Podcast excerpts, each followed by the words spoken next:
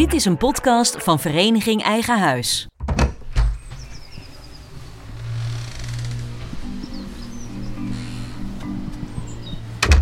Ik ga op pad. Eigenlijk zoals wij allemaal. Elke dag weer. Onderweg. Soms denk je de weg die voor je ligt goed te kennen. Het landschap, de borden, de afslagen. Elk hobbeltje van de weg. Navigeer naar Woerden. Naar Woerden navigeren. Maar wat als de route ineens anders loopt dan je had bedacht? Neem de afslag A2 en hou links aan. Hou links aan. Misschien zelfs wel eens afgesloten. En er lijkt geen omleiding te zijn. In deze nieuwe serie ga ik op zoek naar de juiste weg. Blijf 2 kilometer doorrijden. Ik ben op weg naar Woerden. Daar woont Jury, 30 jaar oud. Afgestudeerd financieel adviseur, maar weer terug op zijn kamer. Op de eerste verdieping van het ouderlijk huis. Op het moment dat hij dacht recht door te kunnen rijden, moest hij een andere afslag nemen. En hij woont daar nu weer bij zijn ouders. Je bent gearriveerd. En dat is echt geen vrijwillige keuze. Ik ben Judy, aangenaam. Ik ben Bart-Jan. Hey, welkom, kom binnen. Gaan we, gaan we naar boven?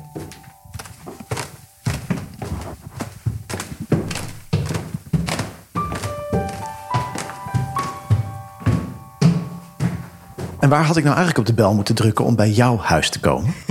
Nou, we staan voor deze deur. Er is geen bel helaas.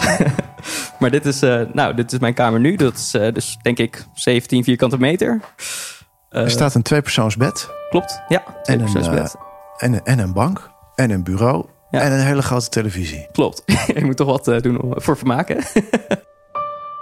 Maar dit is waar je, waar je nu leeft. ja, klopt. Hier zit ik. Ja, nou ja, als, met thuiswerken zit ik hier bijna 22 uur eh, of 23 uur zelfs op de dag. Eh, nou ja, dat is ook mijn werkhoek daar zo eh, in de hoek. Dus eh, Kun je je voorstellen dat mensen zeggen, je bent hartstikke gek. ja, dat kan ik me best voorstellen. Maar ja, ik kan nergens heen, dus ik zit er vast in. eh. Ik ben Bart-Jan Kuhne en je luistert naar Huisbazen seizoen 2. Een podcast van Vereniging Eigen Huis. De komende vier afleveringen ga ik op roadtrip door Nederland. Om met eigen ogen te kunnen zien wat het betekent als je maar geen huis kunt vinden. Is het een probleem van alleen de jongste generatie? Of hebben we er inmiddels allemaal last van? En belangrijker nog, zijn er dingen die je nu al kunt doen? Nou, ik ben Judy. Eh, ik ben 30 jaar.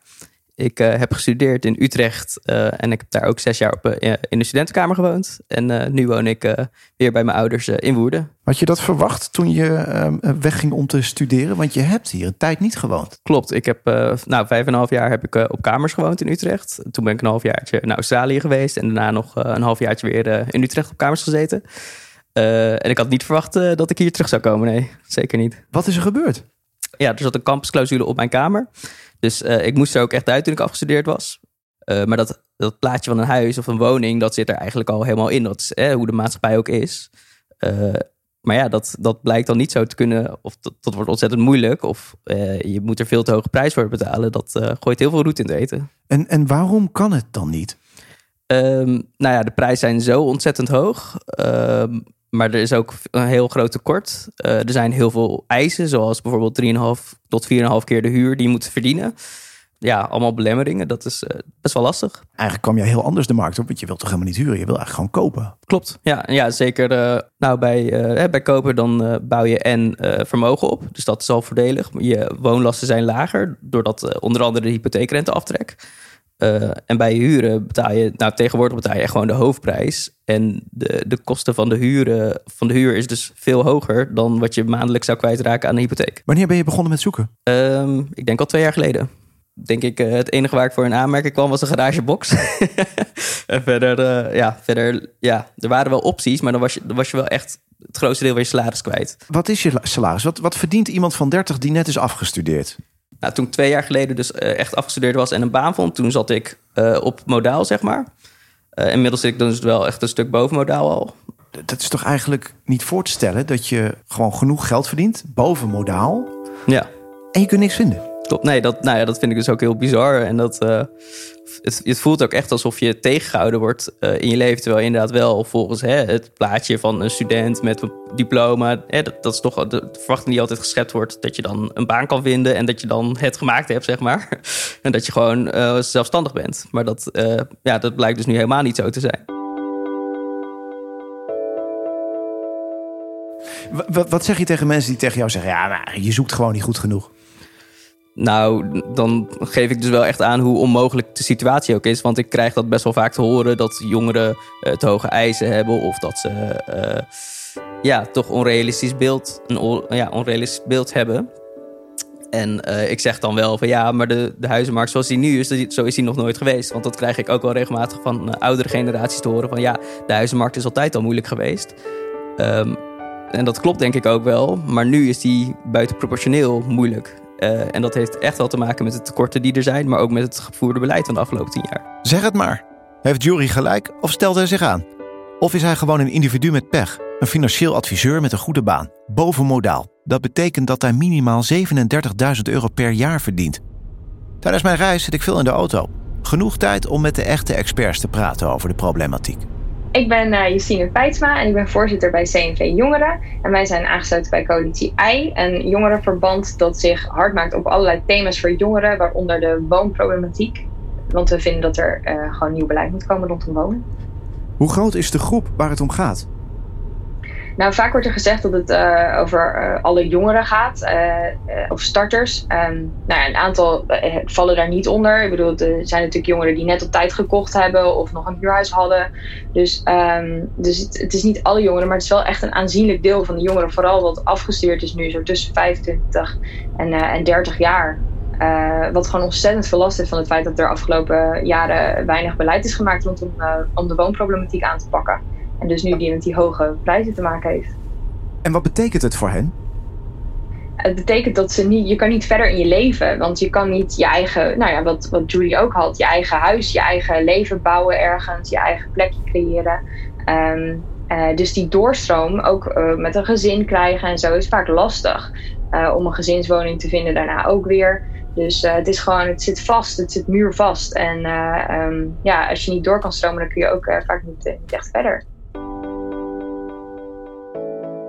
Hoe, zorg je ervoor dat het, dat het hier een beetje leuk is, dat het een beetje leefbaar is op deze 17 vierkante meter? Nou ja, dat, je ziet zoals je het behang uh, kan zien, uh, is het heel levendig. Um, nou, verder heb ik ook wel plantjes uh, in mijn kamer geplaatst. nou ja, goed, die tv die helpt veel, daar zit ik gewoon veel achter. ja, en verder is het ja, soms wel een beetje survivalen natuurlijk. Alles wat zeker was. De tijd die je hebt voor je studie, een vast contract, een eigen huis met de kans om vermogen op te bouwen, is onzeker geworden. Maar wat zeker is, je bent echt niet de enige, blijkt uit de jaarlijkse startersmonitor. Bijna 80% noemt de woningmarkt ongunstig. Meer dan de helft van de starters is ontevreden over de woonsituatie. En maar iets meer dan een derde is positief over het vinden van passende woonruimte. Wil je weten hoe anderen zich bewegen op een woningmarkt waarop je amper kunt bewegen? Kijk op eigenhuis.nl/slash voor praktische tips, webinars, e-books en verhalen van anderen in dezelfde situatie. Hier in deze ruimte, deze 17 vierkante meter, daar gelden jouw regels. Klopt. En uh, als ik dus één stap hier over de drempel zet, nu ja. sta ik op de overloop. Ja, dan, uh, dan hebben mijn ouders voor het zeggen. Ja, en, en wat, zijn dan, dat zijn dan de afspraken waar je, waar je nou, rekening mee moet houden? Ze zijn helemaal niet streng, dus we hebben eigenlijk niet echt afspraken. Maar het is wel, uh, weet je, je houdt gewoon rekening met elkaar. Als, als bijvoorbeeld ik ochtends, ik sta om zes uur op, terwijl zij dan nog liggen te slapen. Dus dan moet ik wel echt van de trap afslijpen, wil ik hun niet wakker maken. En dat, eigenlijk dat soort, het zijn allemaal van die kleine dingetjes waar je toch steeds weer tegenaan loopt met elkaar. Uh, omdat je rekening moet houden. Ik ga dan tien uur naar bed. En dan, dan zijn zij natuurlijk nog wakker. Dus dan moeten zij weer stil doen als zij naar boven gaan. Je houden ze op uh, de bank in de kamer. En dan staat hij in één keer weer ja, voor de deur. En dan gaat hij niet meer weg. Nou, dat laatste, dat wist je op dat moment natuurlijk niet. Dus dat, dat in eerste instantie denk ik, oké, okay, je helpt hem in ieder geval. We hebben even de mogelijkheid om hem op te vangen. Had je er en, ooit bij stilgestaan toen hij op kamers ging... dat hij mogelijk wel eens een keer terug zou kunnen komen... omdat hij geen huis kon vinden? Nee, daar sta je op dat moment niet bij stil... omdat het ook niet, niet de logische volgorde is. Hoe is het om um, je zoon dan weer op te moeten vangen op deze manier? Um, ja, dat doe je gewoon. Ja. Ja, dat doe je gewoon. Maar je moet er wel over nadenken. denk, dus ja. ergens zit er ook Ja, het is niet leuk voor hem. Ik snap hem. En ik snap ook de struggling en zo. Dat hij eh, worstelt met dat hij eh, hier heel lang nog misschien moet blijven. En daar heb ik dan wel moeite mee. Dat- Omdat ik het niet leuk vind voor hem. Maar hij zit mij niet in de weg. Zo niet. Ondertussen zit je met een volwassen man. In dit Ja, geval ja, je zoon in huis. Ook wij willen kleiner gaan wonen. En daar is ook geen aanbod voor. Kijk, als wij kleiner gaan wonen en een eh, goedkopere woning kunnen vinden, komt er geld vrij. En daar zou je hem mee kunnen helpen. Maar ook voor ouderen is er geen huis. Er is niks. Maar hij is niet de enige. En daar moet hij ook eh, bewust van zijn. Er zijn nog eh, steeds schrijnende gevallen die, die ook geen woning kunnen, kunnen vinden. Is dat ook de manier waarop je het volhoudt? Die gedachte van eh, het kan altijd nog erger? Ja, ja, ik zeg, je hoeft niet eh, in een doos onder een brug. Je hebt eh, te eten, te drinken, je hebt een douche. Maar ik snap wel dat jij je los wil maken van je ouders... en dat je gewoon zelfstandig wil zijn. Ik moet er ook niet aan denken dan dat ik vroeger, als ik dertig was... dat ik weer terug moest naar mijn ouders, hoe lief ze ook waren. Maar ja, je wil zelfstandigheid en dat begrijp ik. Dat begrijp ik heel erg goed. En wat zijn je eisen buiten dat zwembad? Nou, nou, dat er een vleugel eh, in past. Hè? Dat, Eh, nee, maar ik, ik, ik wil gewoon een fatsoenlijk beetje ruimte. Ik, ik heb een 12 vierkante meter heb ik gewoond in mijn studententijd. Eh, nu zit ik denk ik rond de 17 vierkante meter in mijn, bij mijn ouders. Eh, maar ik wil toch wel, wel een keer naar 50, 60, misschien 70 eh, vierkante meter gaan. Om toch wel een keertje de, de ruimte te krijgen. Want ik heb lang genoeg ook gewoon klein geleefd. Waar heb je die 70 vierkante meter voor nodig? Ja, en ik weet niet. Ik vind een kleine ruimte, zeker met het thuiswerken, dat, eh, dat is heel verstikkend. En ik heb, eh, ik heb bijvoorbeeld ook vier maanden heb ik ehm, thuis gewerkt toen aan één stuk door. Dan zit ik bijna 22 tot 23 uur zit ik op één kamer. En dat is wel heel veel. Eh, Maar, maar ik vraag het niet alleen vanwege je eigen behoeften, maar ik denk ook, het heeft ook te maken toch met toekomstplannen. Nou, ja, ik moet zeggen dat ik daarvoor op dat gebied eigenlijk helemaal geen plan nu heb. Want ja, voor mij is echt maar een maand verder kijken is al gewoon een lange termijn, zeg maar, om, te, om zo te zeggen. Want er is niet zoveel toekomstplan op dit moment. Eh, want het kan, er is ook helemaal geen, rea- geen realistisch beeld eh, voor. Maar gaat het echt zo ver dat je het moeilijk vindt om over toekomstplannen te denken, omdat je beperkt wordt in dit soort dingen? Ja, ook wel. Dat, eh, ja, want als ik kijk nu naar de, lang, of de middeltermijn, vijf jaar, dan zie ik mijzelf nog steeds niet in een koopwoning zitten, bijvoorbeeld. En dan in een veel te dure huurwoning die met een best wel kleine ruimte is. Wat een uitzichtloze situatie. Ja, nou, dat is het zeker. Dat eh, moet ik zeggen. Als ik, eh, ik denk toen ik net eh, uit mijn studentenkamers weer terug hier moest wonen. Toen, toen was ik ook best wel op een gegeven moment echt wel weer richting depressiviteit aan het gaan. Want het, ja, er is inderdaad geen uitzicht. Ik denk dat ik tot op de dag van vandaag bijna elke dag er wel mee bezig ben met kan ik nog ergens of ja, kan ik me kan ik dan eindelijk wel die stap maken om zelfstandig te gaan wonen. Eh, maar dat kan natuurlijk niet. En ik ben nu de laatste maanden ben ik er wel even wat minder mee bezig geweest, want ik merkte dat ik het dat ik er zo depressief van werd dat ik eh, ja dat ik gewoon ook op, op een gegeven moment het leven dan niet even zie zitten meer zeg maar. Zo zo diep kan het gaan. Echt omdat je zo weinig perspectief hebt. Ja.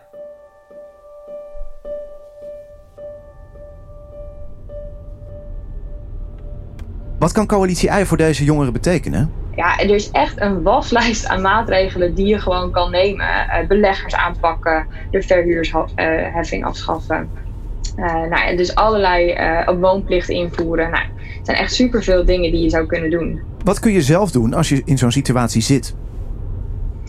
Ja, als je, eh, nou ja, zoals, zoals Julia, dan zou ik echt zeggen: ehm, blijf zoeken, hou vol. Eh, en, en ja, het is ook, eh, ehm, kijk, kijk ook misschien buiten de stad waar je zou zitten, al is het tijdelijk, dat je iets ruimer zoekt. Ehm, is niet leuk, is ook geen leuk advies om te geven, maar ja, soms is dat wel realiteit. Ehm, en eh, ja, s- kijk, kijk, kijk of er mensen zijn die je kunnen helpen, dus binnen een netwerk of, of toch. ehm, Heb je voorbeelden in je omgeving waarvan je zegt: hé, hey, daar werkt het wel? Nou, je hebt natuurlijk eh, constructies waar je wat meer over leest. Dat, dat mensen woningen samenkopen of delen.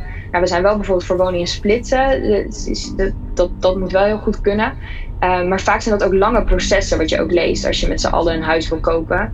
Ehm, en het is best wel ingewikkeld. Dus ja, ik, ik vind eigenlijk gewoon dat we, nou ja, wat ik zei, wonen is een recht. De overheid zou ervoor moeten zorgen dat dat eh, goed komt. Hey Google, laten we doorrijden naar Utrecht.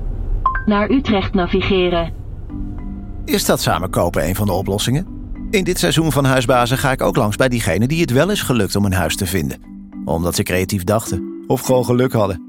En zo kom ik vandaag terecht in een grote boerderij langs een drukke weg in de stad Utrecht. Daar woont sinds kort een bijzondere groep vrienden samen onder één dak. Met een gezamenlijke deurbel. Oh, we hebben nu een an- ander. Nee, we hadden een andere. Deze is... dit is hem niet. Nee, we hadden een... Wij houden van oranje, gaan we dat doen? Happy birthday. Hey, maar is dit dan de consequentie van met elkaar in huis wonen? Dat je dan een, eh, een gezamenlijke deurbel Je hebt? kan er overal over discussiëren, ja. Ja? Over de, over de teun- toontje, van, toontje van de deurbel. Maar even kijken, Ellen, want ik kom dus wel in een soort van centrale ruimte binnen. Ja, klopt. Ja. Maar, maar hoe moet ik dat dan zien? Je hebt wel allemaal je eigen, eigen huis. Ja. En nou, een 1300 vierkante Oh, uit mijn hoofd. Dat is best ruim. Voor een boerderij is het niet heel groot, maar het is wel een ruime tuin. Nee, mag, mag ik een onbeleefde vraag stellen? Hoe, hoe oud ben je? 27. 27 en heb je dus 1300 vierkante meter grond. Jazeker. En dat heb je niet alleen. Ik ben Lieke. Hoi, Hoi. Ik ben Tom. hoi Tom. Nou, had jij verwacht eh, dat je ooit eh, op zo'n manier in een huis zou terechtkomen? Absoluut niet. Nee. Dat had ik eh, voor mijn vijftigste nog niet, eh, niet verwacht. En eh, ja, het is toch gelukt. Ja, want het is echt heel moeilijk hè, om een huis te vinden.